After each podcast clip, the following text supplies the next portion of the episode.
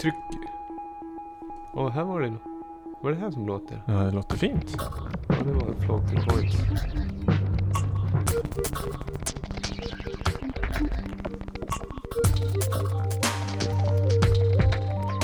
Men du. Nu är det dags igen. Jajamän, nu är vi ett eh, avsnitt så här som vi kallar specialavsnitt. Diggat genom decennierna. Eller hur? Ja, det är andra i ordningen va? Tror jag. Det beror på hur man ser det. Men vi har kört det här innan. Till, eh, det var många som tyckte det var kul. För vi tänkte så här, oftast är det ju fokus på ny, nysläppt musik. Eller kontemporärt. Vi ligger ju ofta i kvartal. Sen så presenterar vi en sval skiva eller en classic, men ibland så vill vi faktiskt gräva djupare ändå. Och därför har vi ju det här konceptet som heter Diggat genom decennier. Ja, det är ett ganska bra koncept. Du som kom på det, David Holm som det heter.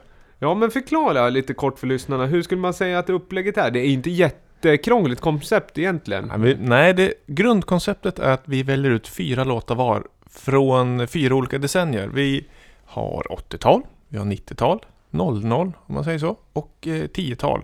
Mm. Så jag väljer fyra låtar och du väljer fyra låtar. Och så surrar vi lite om det och så försöker vi ha någon slags, eh, ja, samma, koka ihop det hela liksom. På ett eh, eh, diggat sätt. Så att Ja säga. men lite så är det väl att det måste ta avstamp någonstans att eh, Just i och med att podden är ju en elektronika podcast eller mycket elektronisk musik så att de här Man gör ett litet axplock och ett avstamp och man hittar någonting som kanske man tycker är Stilbildande eller säger någonting om en viss period eller när man själv hörde det så Så var det en väldigt inspirerande låt eller någonting och så kan jag tycka att den här, det är också roligt för att jämföra eh, din och min musik, hur man tänker tillbaka på många sätt. Det kan ju vara mycket storytelling också. Att det är en låt som eh, är helt okej men att vi har en väldigt personlig eh, koppling till den. Framförallt Ja. ju längre tiden går bakåt. Och varför vi har börjat på 80 Vi skulle kunna börja på 20-tal men det är lite dåligt med digital musikutgivning. Eller Ja, digital sen- konstdansmusik då. Sen är det ju första gången vi körde det här, alltså ja, vi är ju åldrarna 33, 84 jag född och du är född 80. å- 81. Så att det är ju, i viss mån så har man ju kanske lite mer relation till 80-talets musik utan att det bara blir att man gör liksom en, ett retrospekt. Att man kan faktiskt själv, för det kände jag förra gången vi körde det här så hade jag, alltså det var ju en personlig upplevelse jag hade av den låten när jag var liten. Ja, det gick ut på Electric Light Orchestra. Ja, men det är så. mycket som har format en och kanske ljud framförallt som man har fastnat för, eller typer av arrangemang eller produktionssätt och så. Och sånt där är ju väldigt cykliskt. Jag kan tycka att det är roligt att... Den här låten som vi hör i bakgrunden nu, det är alltså min 10-talslåt. Eh, Ja, vi börjar, Släpp- vi börjar lite an- Ja, vi vi- börjar inte bakifrån, vi bör, eller vi börjar framifrån. ja, det kan man säga. Vi jobbar oss tillbaka i tiden. Jag tycker att det kan vara intressant att ta avstamp så faktiskt. Helt rätt. Helt Vad är rätt. vi nu och vad var vi och vad ska vi?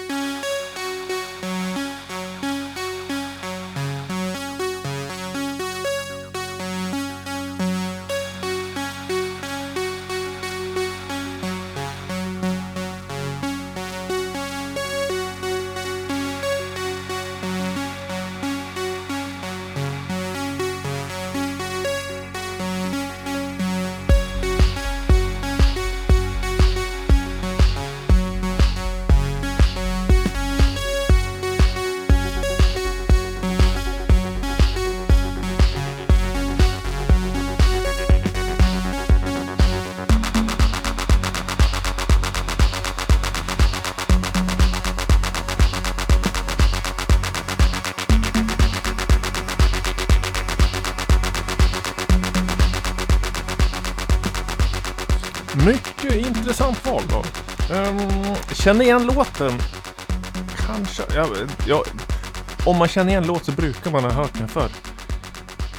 Ja, det här tycker jag är anledningen att jag valt den här för att form av representera 10-talets dansmusik. Det är att jag tycker att den har den har rätt inställning till vad dansmusik var, i alla fall andra hall... Eller, ja, eller egentligen vad jag tycker 10-talets dansmusik är. Att man tar mycket ljud som har funnits förr, men man skruvar till det i den månen att det blir...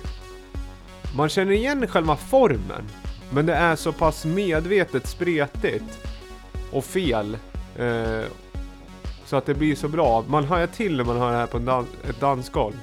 Jag har inte spelat den här så många gånger, men den, de gångerna jag spelar den så har det varit eh, succé. Den lämnar liksom ingen oberörd. Det blir ingenting... Det blir inte den här såsen, utan den har så mycket karaktär.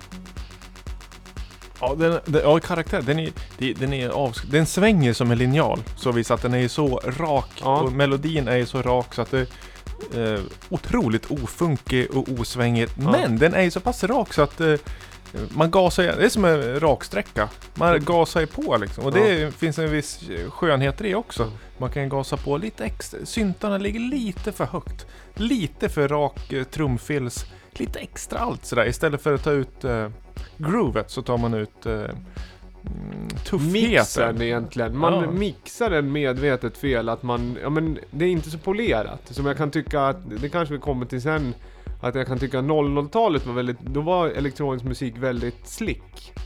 I viss mån. Eh, det beror ju på vad man kollar. Men jag tycker att den här har rätt typ av approach till ett dansgolv. Sen är det, det som gör det svängigt, det är ju klapparna som ligger på 16 delar. Det gör man ju inte så ofta, framför inte alls så där länge som den ligger. Man kanske lägger dem som fills. Ja, men det är 303-knorren ligger ju också där. Ja. Den ligger också på 16. Men nu måste jag säga, vad är, vad är det vi lyssnar på?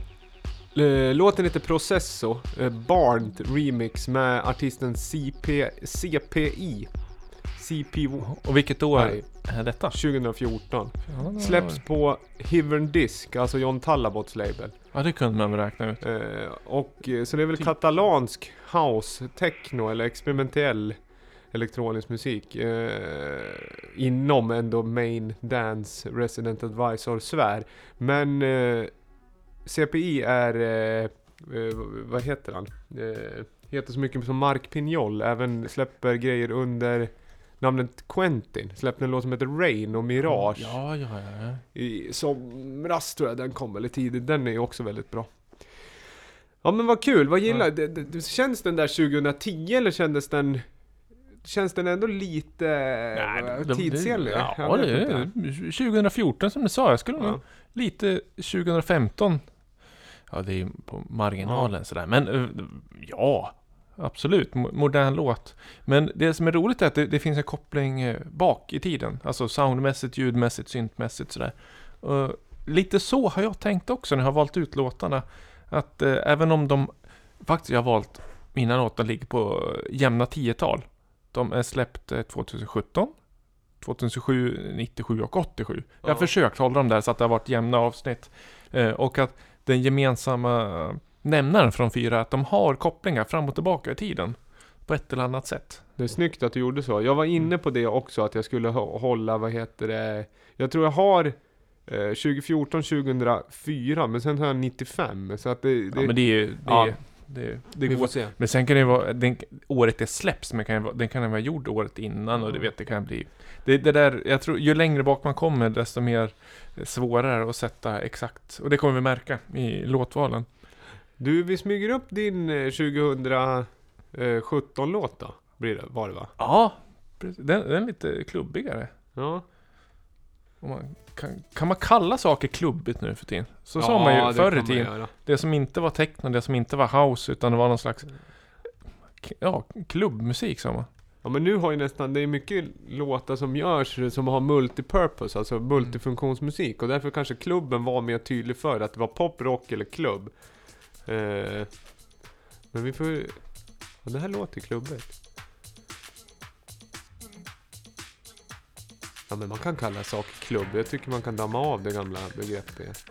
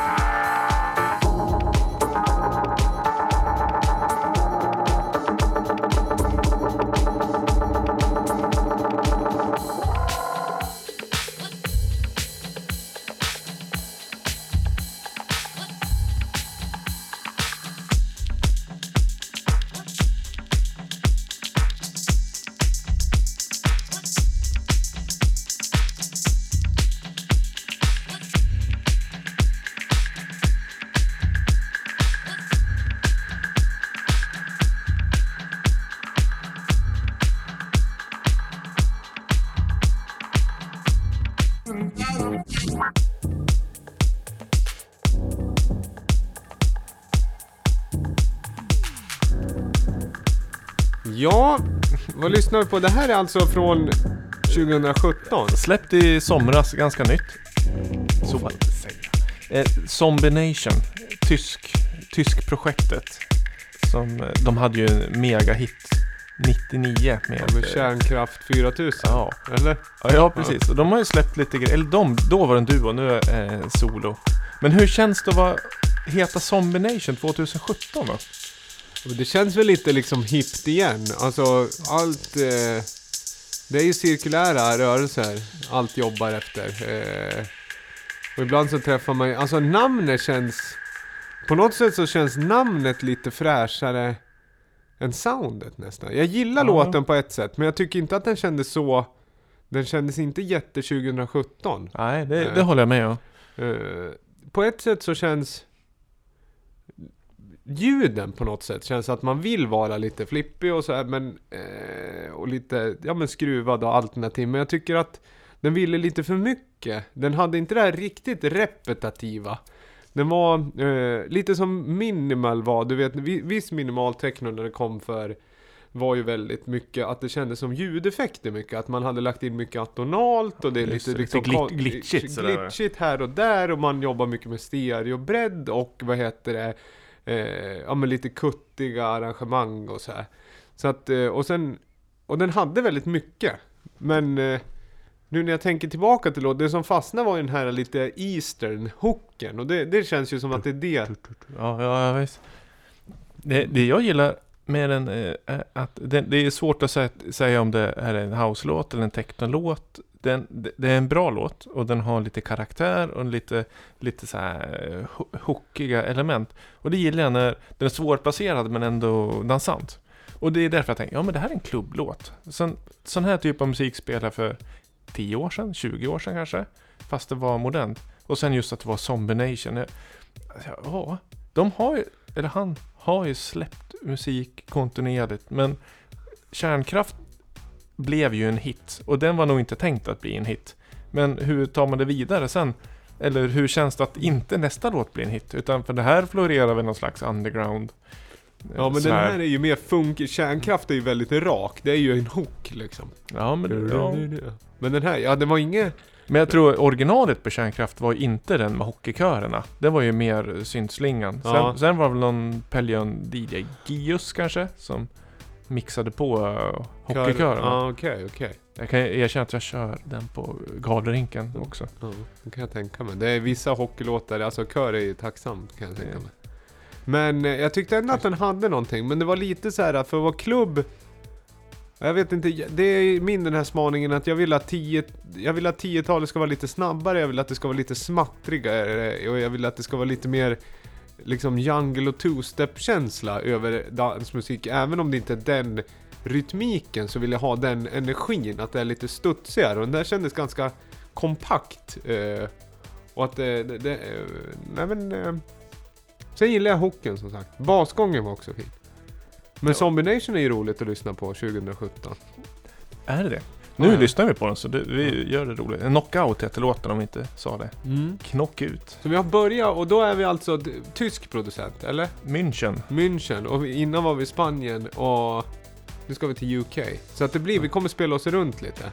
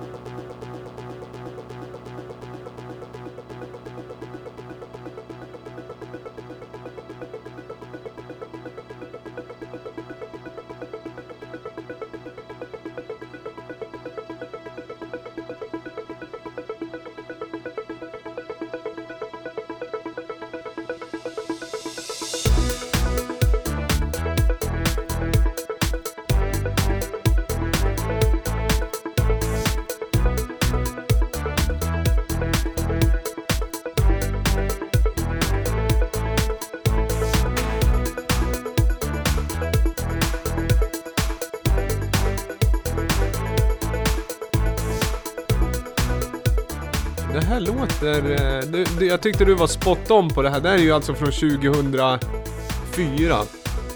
Eh, Silver City, låten heter Galactic Rider, Ralph Lawson Mix.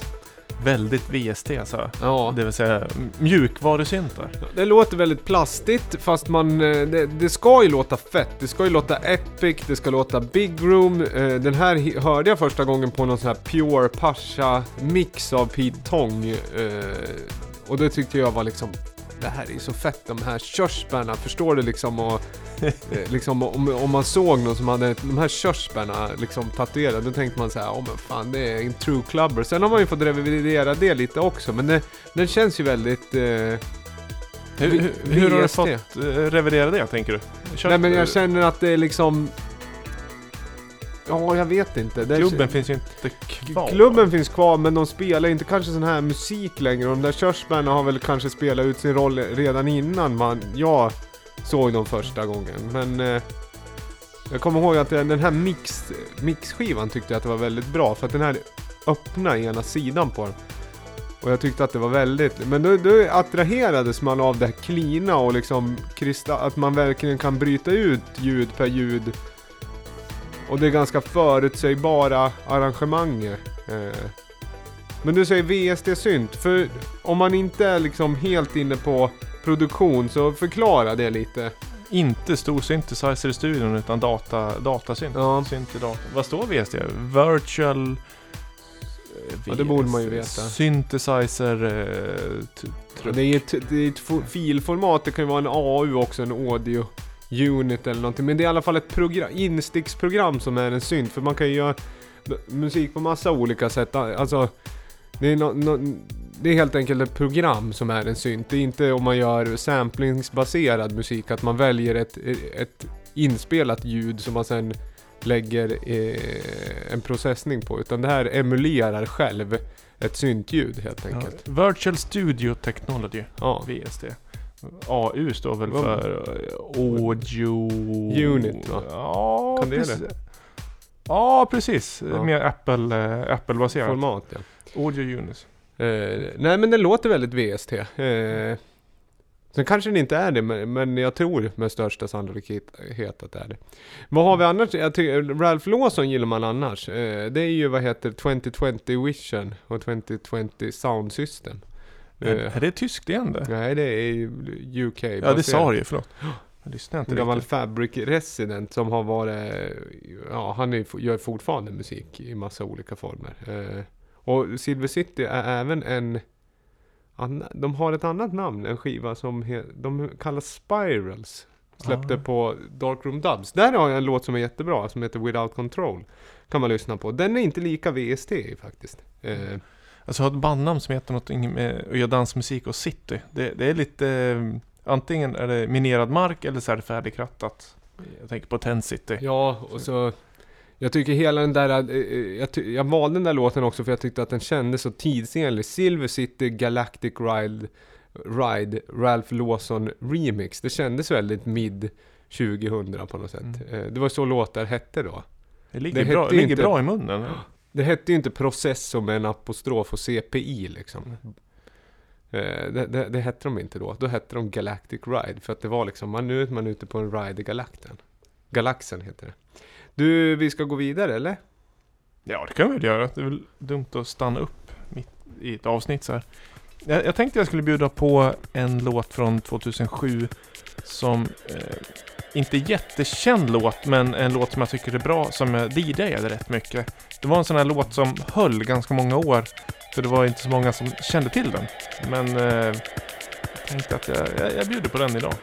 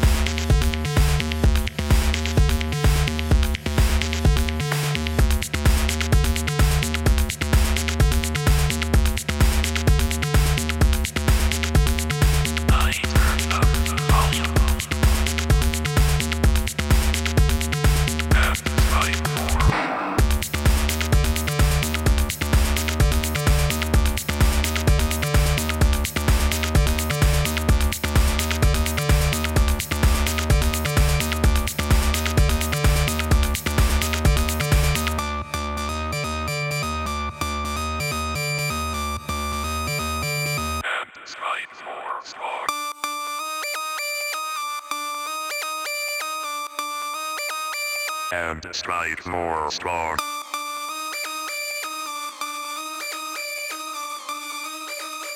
Strong, strong, strong, strong.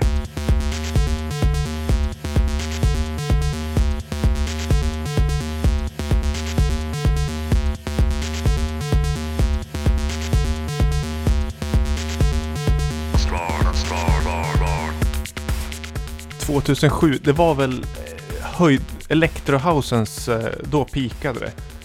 Ja det kan jag Maxima- tänka mig. Maximal peak. Vi har ju pratat i något tidigare avsnitt om Fede Legrand och så vidare. Alltså posterboyen, eller vad ska jag säga, main main Electro House made it chart stopper liksom. Men det, det lät så här då, mycket klubb. Jag känner igen att du har låtit så här vid senaste... Jag lät mer som den låten innan jag spelade. Du kunde mixa det här väldigt bra. Jag skulle spela den andra låten och göra någon form av eh, harmonisk mix och så gick det inte bra. Jag var ju mer liksom flow i sådär. Men undrar vad som kom först, mixtekniken eller låtarna? För sådana här låtar kan man väl liksom inte ligga minutervis på smootha. Man, man var tvungen lite, lite snabbare mixar. Och då var det att man körde fler låtar. Det var liksom Mm. mer snabbt in, snabbt ut med låtar.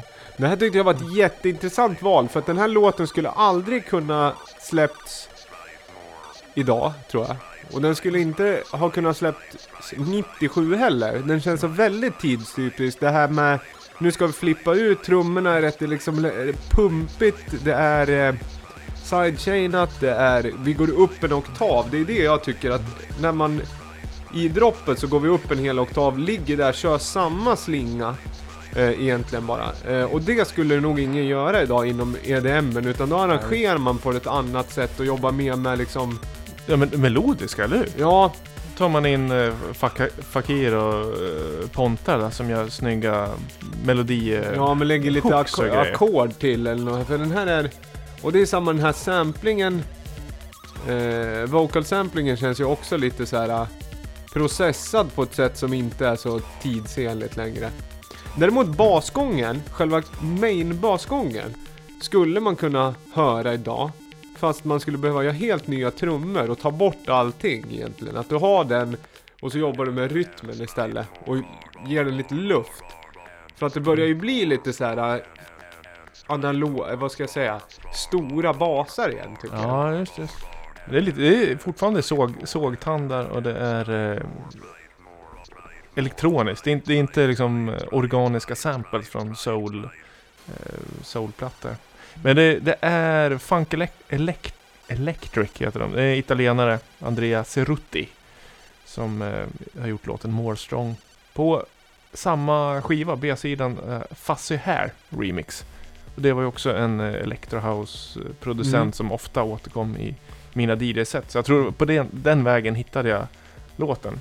Och och om man ska vara riktigt ärlig så kom den faktiskt 2006. Men eh, den kom i min ägo 2007. Jag har sett eh, de eh, brända CD-skivorna man hade när man köpte låtar på Beatport eller vad man gjorde. Då hamnade den eh, på en skiva Det låter som Beatports vaggar här. Då lät det mycket så här på chartsen där. Men det är lite, alltså sound är... Själva, ja, alltså själva- hooken och rytmen i den och groove, det skulle jag kunna tänka mig. Den har ju lite samma approach till liksom Get Back som, vad heter det, första låten jag Mm. spelade. Att det ska vara lite så här rakt och crazy och tufft och hårt. Men det är en helt annan kostym liksom. Ja, just.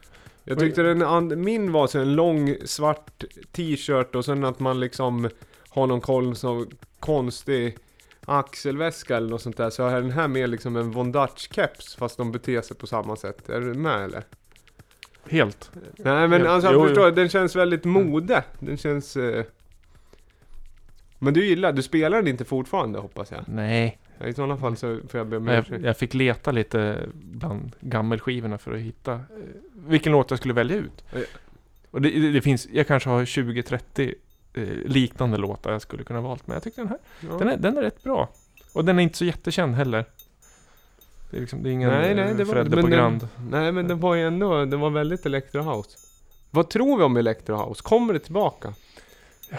Ja, ja, ja, i, ja i, i kommersiellt. Man kan väl säga att här, familjen och Icona Pop och de är ju elektro, kanske mer elektropop, men de har ju ändå liksom någon slags eh, eh, energi från Electrohousen. Även fast det är mer sång i dem. Men som DJ, DJ-världen tror jag de... Ja, det, är det 20 år så är det 2027. Då pikar väl det igen. Ja. Ja, jag tror att den kommer komma tillbaka men i en annan skepnad som sagt. Eh, Det, det kommer bli mer melodiskt. Ja, Samma- det måste, samma sound, det, det, det måste det bli. För att den här raka midi-energin och VSDn tror jag har... Den tror jag liksom har... Som den här låten nu. Är från 95. Det har lite mer soul igen. Ja, den här tycker jag faktiskt låter... Den här låter ju modernare. Än båda låtarna vi hörde innan. Ja, nu i tiden. Men det kanske är 20-årscykeln. Om det här var ni- 95 så är det ju 22 år sedan. Ja. För det hade varit lättare ska lyssna på den här, den kicken. Det här är ju fantastiskt bra. Ja, nej men det här, vi... Är det triangel? Ja. Mm. Och sen vanlig så här... I said I'm gonna leave Alabama mama Ja, en triangel. Man, man borde ha mer triangel i alltså. York I City. deep. Mm, mm. I said I'm gonna leave Alabama, mama. I said I'm gonna leave Alabama, mama. Det var en avsnitt sen vi pratade om Bermuda-triangeln. Men det var ju inte instrumentet Nej, nej. någonting.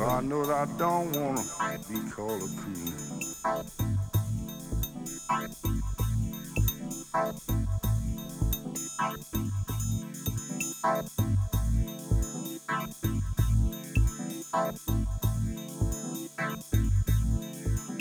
said I'm gonna leave Alabama, mama.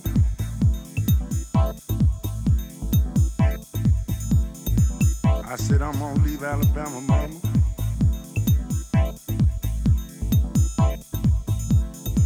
I said I'm gonna leave Alabama, mama. I said I'm gonna leave Alabama, mama.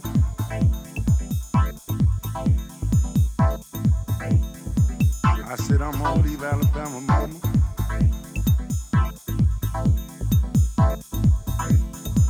I said I'm gonna leave Alabama, mama.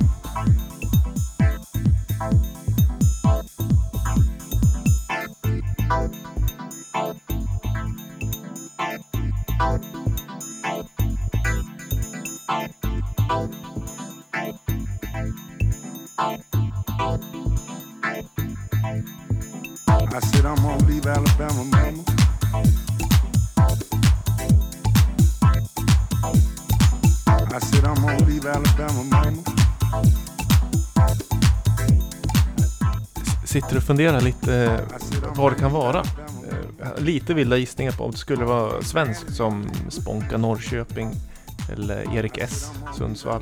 Eh, Är det svenskt? Nej, det är franskt. En av dem som enligt utsago var liksom the initial, initial spark of the French, eh, new French touch inom eh, elektronisk musik. De är ganska tidiga, alltså, det är inte hittigaste hitten. Eller De François K?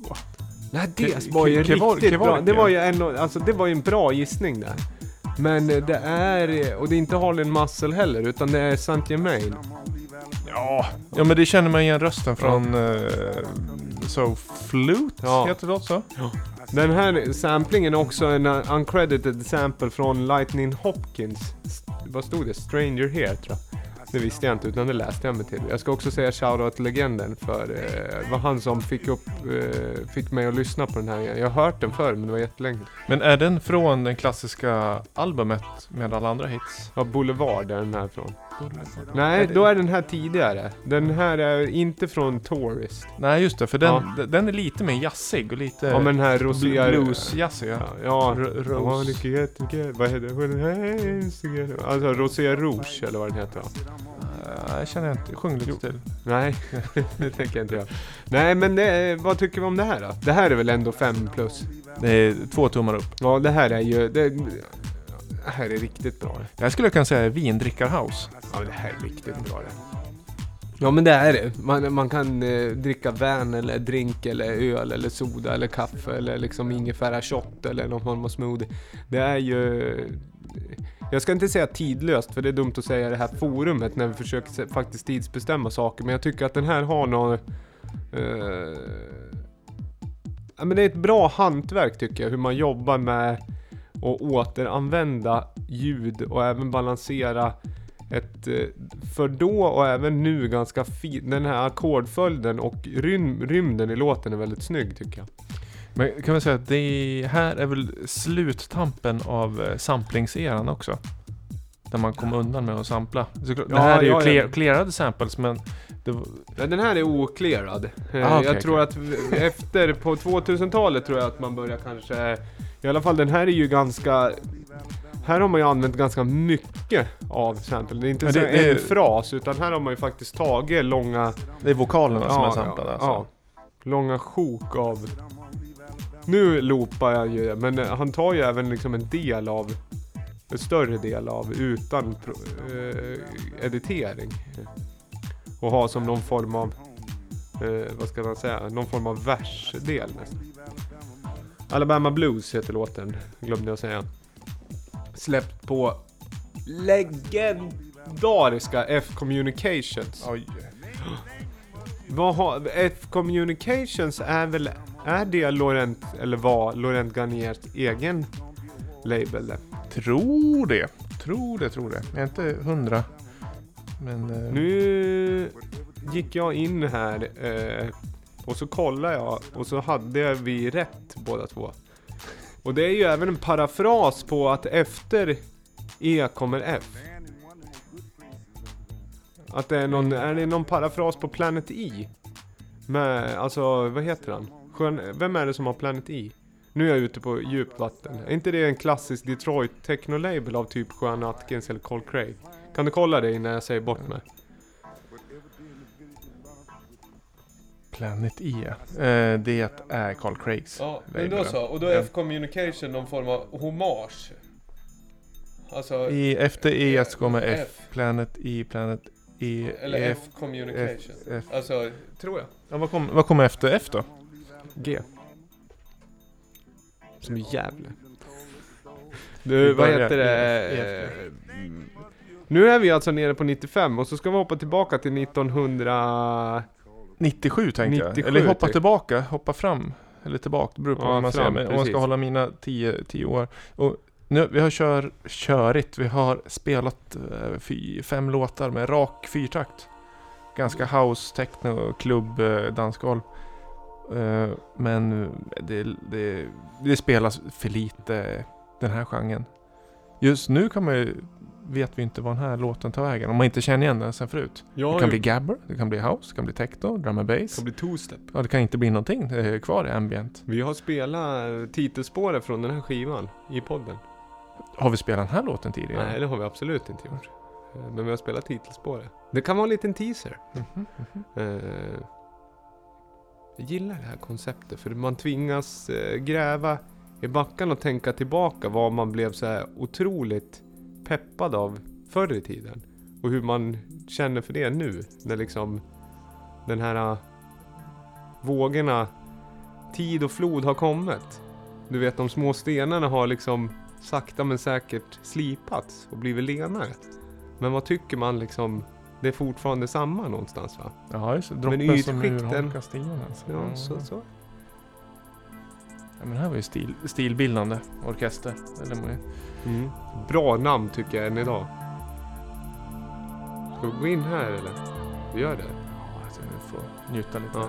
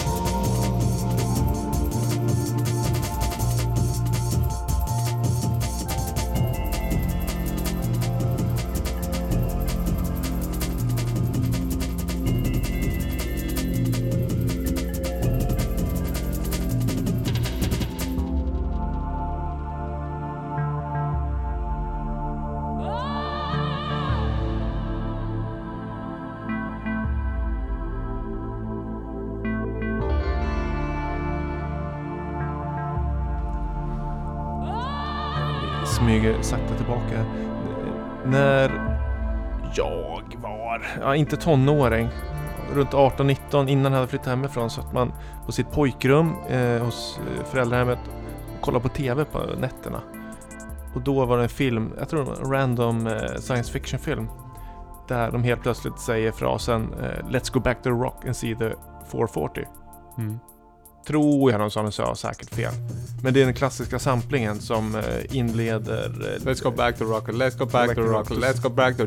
Ja. to see the 440. Mm. Apollo 440. Den låten var jag inte Talking About Dub.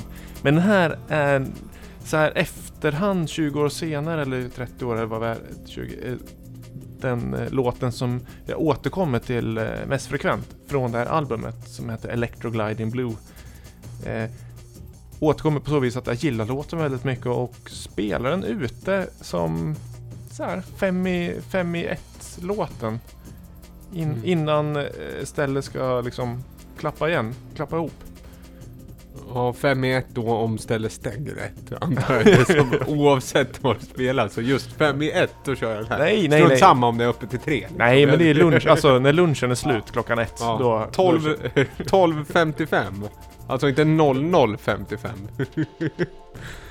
eh, den, Nu eh, ska jag sätta mig i stolen och börja jobba igen så jag spelar den här. men så, den här nästan lite old school i drum and bass stilen när den kom skulle jag tro. Men det, jag kommer inte riktigt ihåg hur det lät. För det fanns ju den här hårdare, den här Ed Rush, optical eh, soundet som var mer dansgolvs drum and bass. Men den här var lite mer den här flytande eh, s- svärd. Liquid.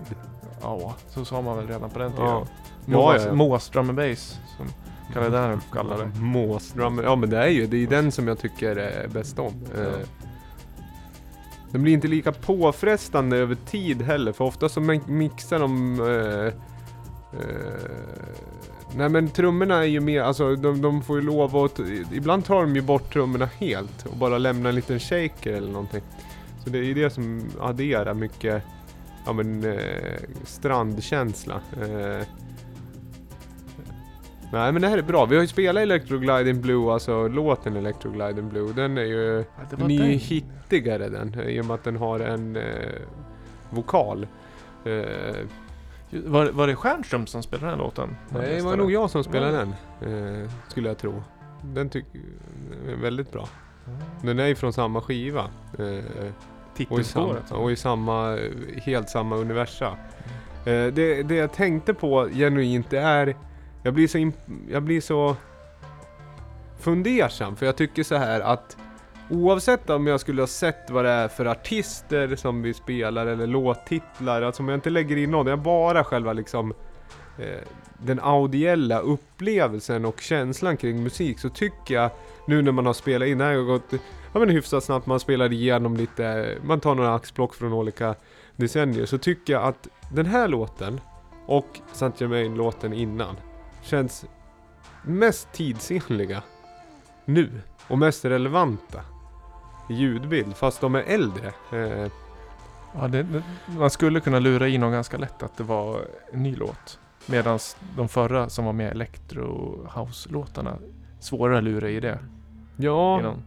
sen i viss mån så tycker jag att man hör på produktionssättet att de inte är nya. Att det inte var samma teknik för finlir så att man får bli mer hands-on på något sätt. Eh, och de här små sminkgrejerna som man lägger nu, alltså de, de verktygen hade man inte då. Men själva grundvibben i musiken tycker jag är mer, säger mer eh, om nutiden än vad det gjorde in, de innan.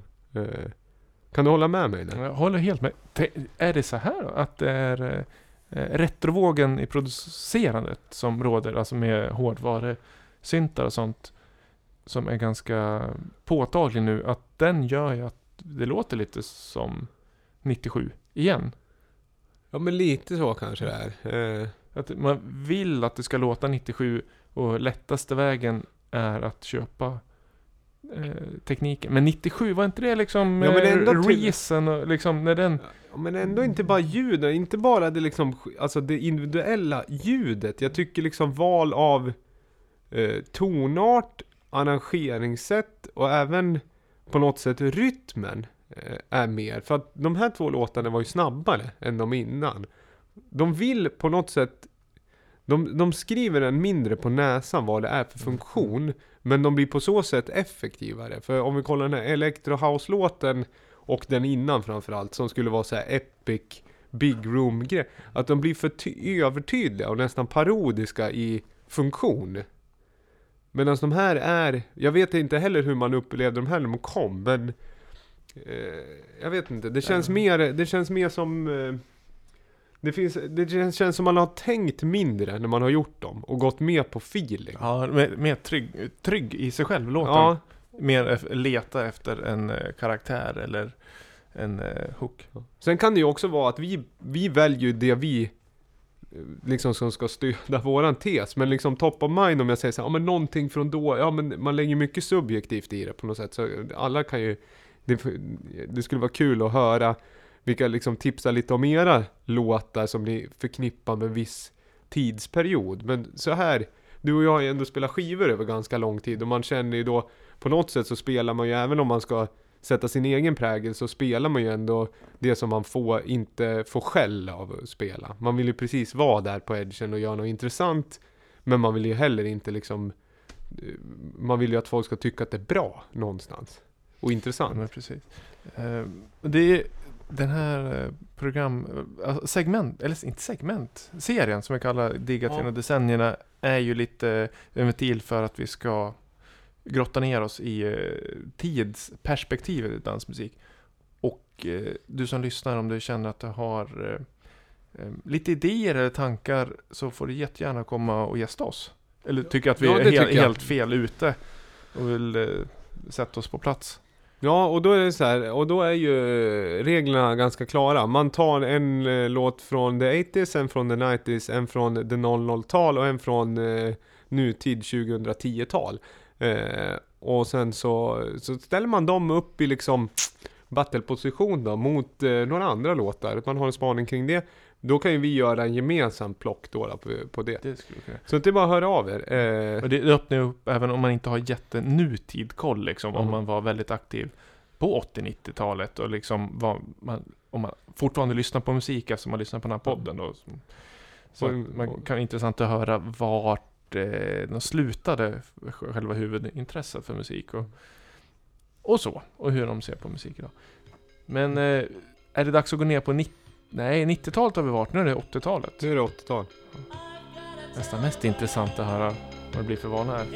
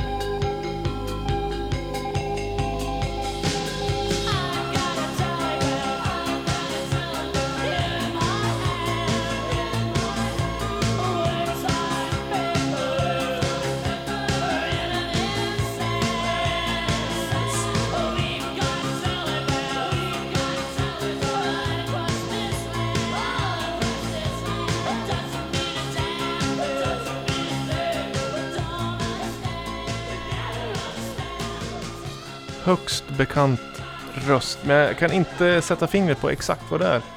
Jag har ju tagit nu eh, den här eh, den här tweaken på programkoncept eh, brukar jag ofta ta att jag spelar någonting som jag tidig syntupplevelse för mig. Så det här lät det från 1983 och det här hörde jag när, när jag var ganska liten.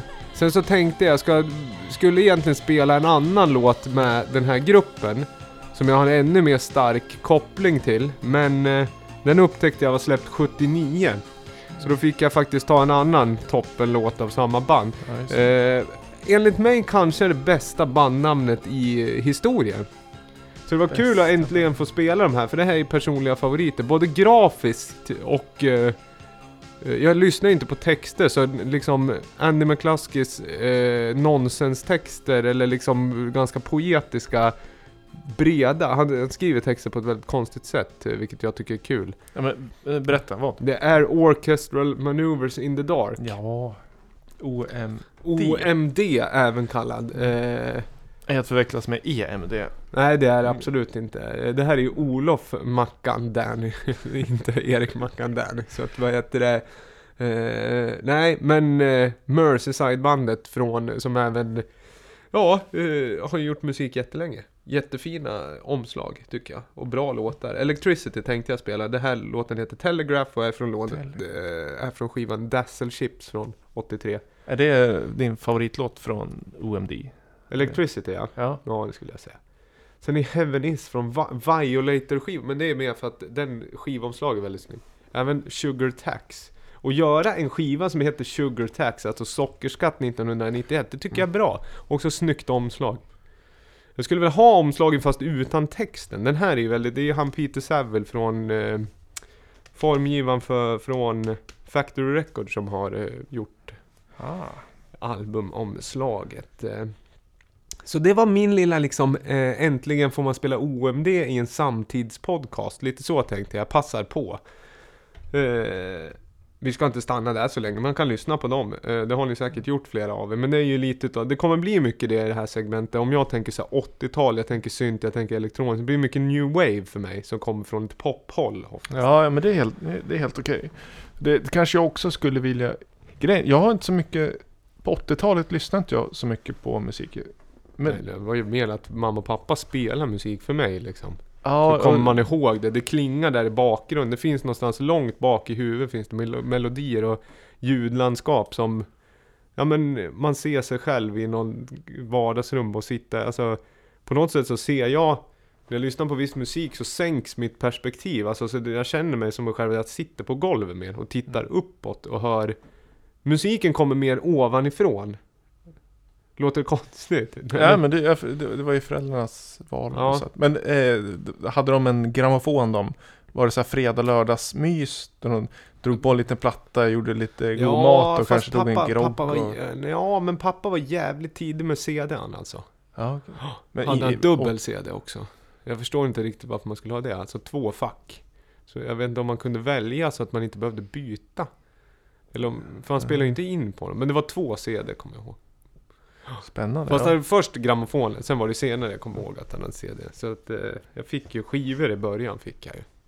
Det pratade jag säkert om förra gången, att jag fick första skivan, den här, eh, vad heter det, eh, Discovery med Daft Punk säger du. Electric Light Orchestra säger jag. Eh, bra skiva. Ja, just det. Jag, gillar den här mer än eh, Elos. Alltså förra avsnittet, eller förra Ja. 80-talslåten. Men eh, OMD, det är lite mer, eh, li, lite, lite mer underground i den, alltså även om det är y- kommersiellt för tiden så, så känns det lite, lite mer indie. Ja men det, var, det är väl lite mer indie på grund av att det är ganska... Texterna är ju rätt underliga från och till. Jag har inte analyserat det i...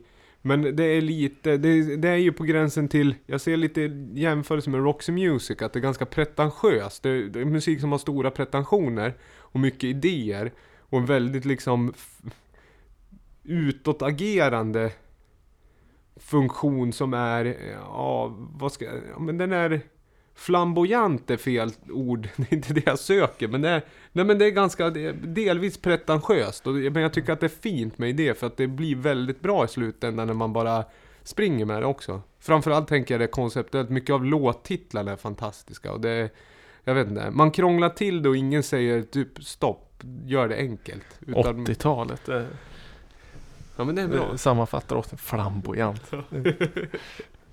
Flamboyant med Mm. Pet Shop Boys är en väldigt bra låt. Flamboyant heter. Flamboyant ja. Michael Mayer remix. Eh, kan man lyssna på. Ja. Eller originalet. Eller originalet kan man lyssna på. Vad ska vi höra nu? Vill du påa? Vi ska Ja. nästan avrunda här va? Ja, precis. Det är väl ganska långt intro på den här låten så vi kan ju rulla. Det, så jag lyssnade inte på så mycket musik på 80-talet. Min, eh, mina föräldrar lyssnade, de hade en Rod Stewart-vinyl. Men det var min eh, syster och bror som är äldre. De lyssnade på Europe och diverse elektroniskt. Men det var först 90-talet det började göra sig liksom närvarande. Så jag får ju leta liksom lite på andra premisser. Och eh, har man ett skivbolag som heter Lamour Records så tycker jag att man ska leta i den sfären av som kärleksbudskap. Och då hittar man ju eh, klassikern Your Love med Frankie Knuckles. Fast det är ju inte riktigt Frankie Knuckles egentligen. Det är ju Jamie Principle som släppte den först. Eh, och den eh, släpptes ju, var det två år senare eh, med Frankie Knuckles. Eh, Jamie Principle är ju på sång och creddad till en början. Men sen den senare releasen så har det liksom blivit eh, Frankie Knuckles. Man har E- liksom egen låt. tvättat bort originalartisten. Det är ju lite... Ja, jag, jag tror det, jag vet Ja. inte riktigt hur det gick till, men den släpptes faktiskt som, vad hette han? Eh, José Gomez var den som först släppte den kommersiellt. Ja. Men jag tror det var, det var tack vare Knuckles som det blev en hit, för det var han som hade den på mixtapes och, och sådär. Så den är väl gjord, tror jag, två, nej, 85, men att den här släpptes med Knuckles 87. Det är ungefär som Andrew Weatherall-remixen på Primal Screams Come Together som var en remix och sen så har remixen tvättats bort och sen har det blivit originalet liksom. Men den här är en bra låt. Jag tror inte jag. Jo, jag måste ha hört den här, men inte den här versionen tror jag. Jag tror, det här är väl originalversionen med även Adrienne Jets på vocals.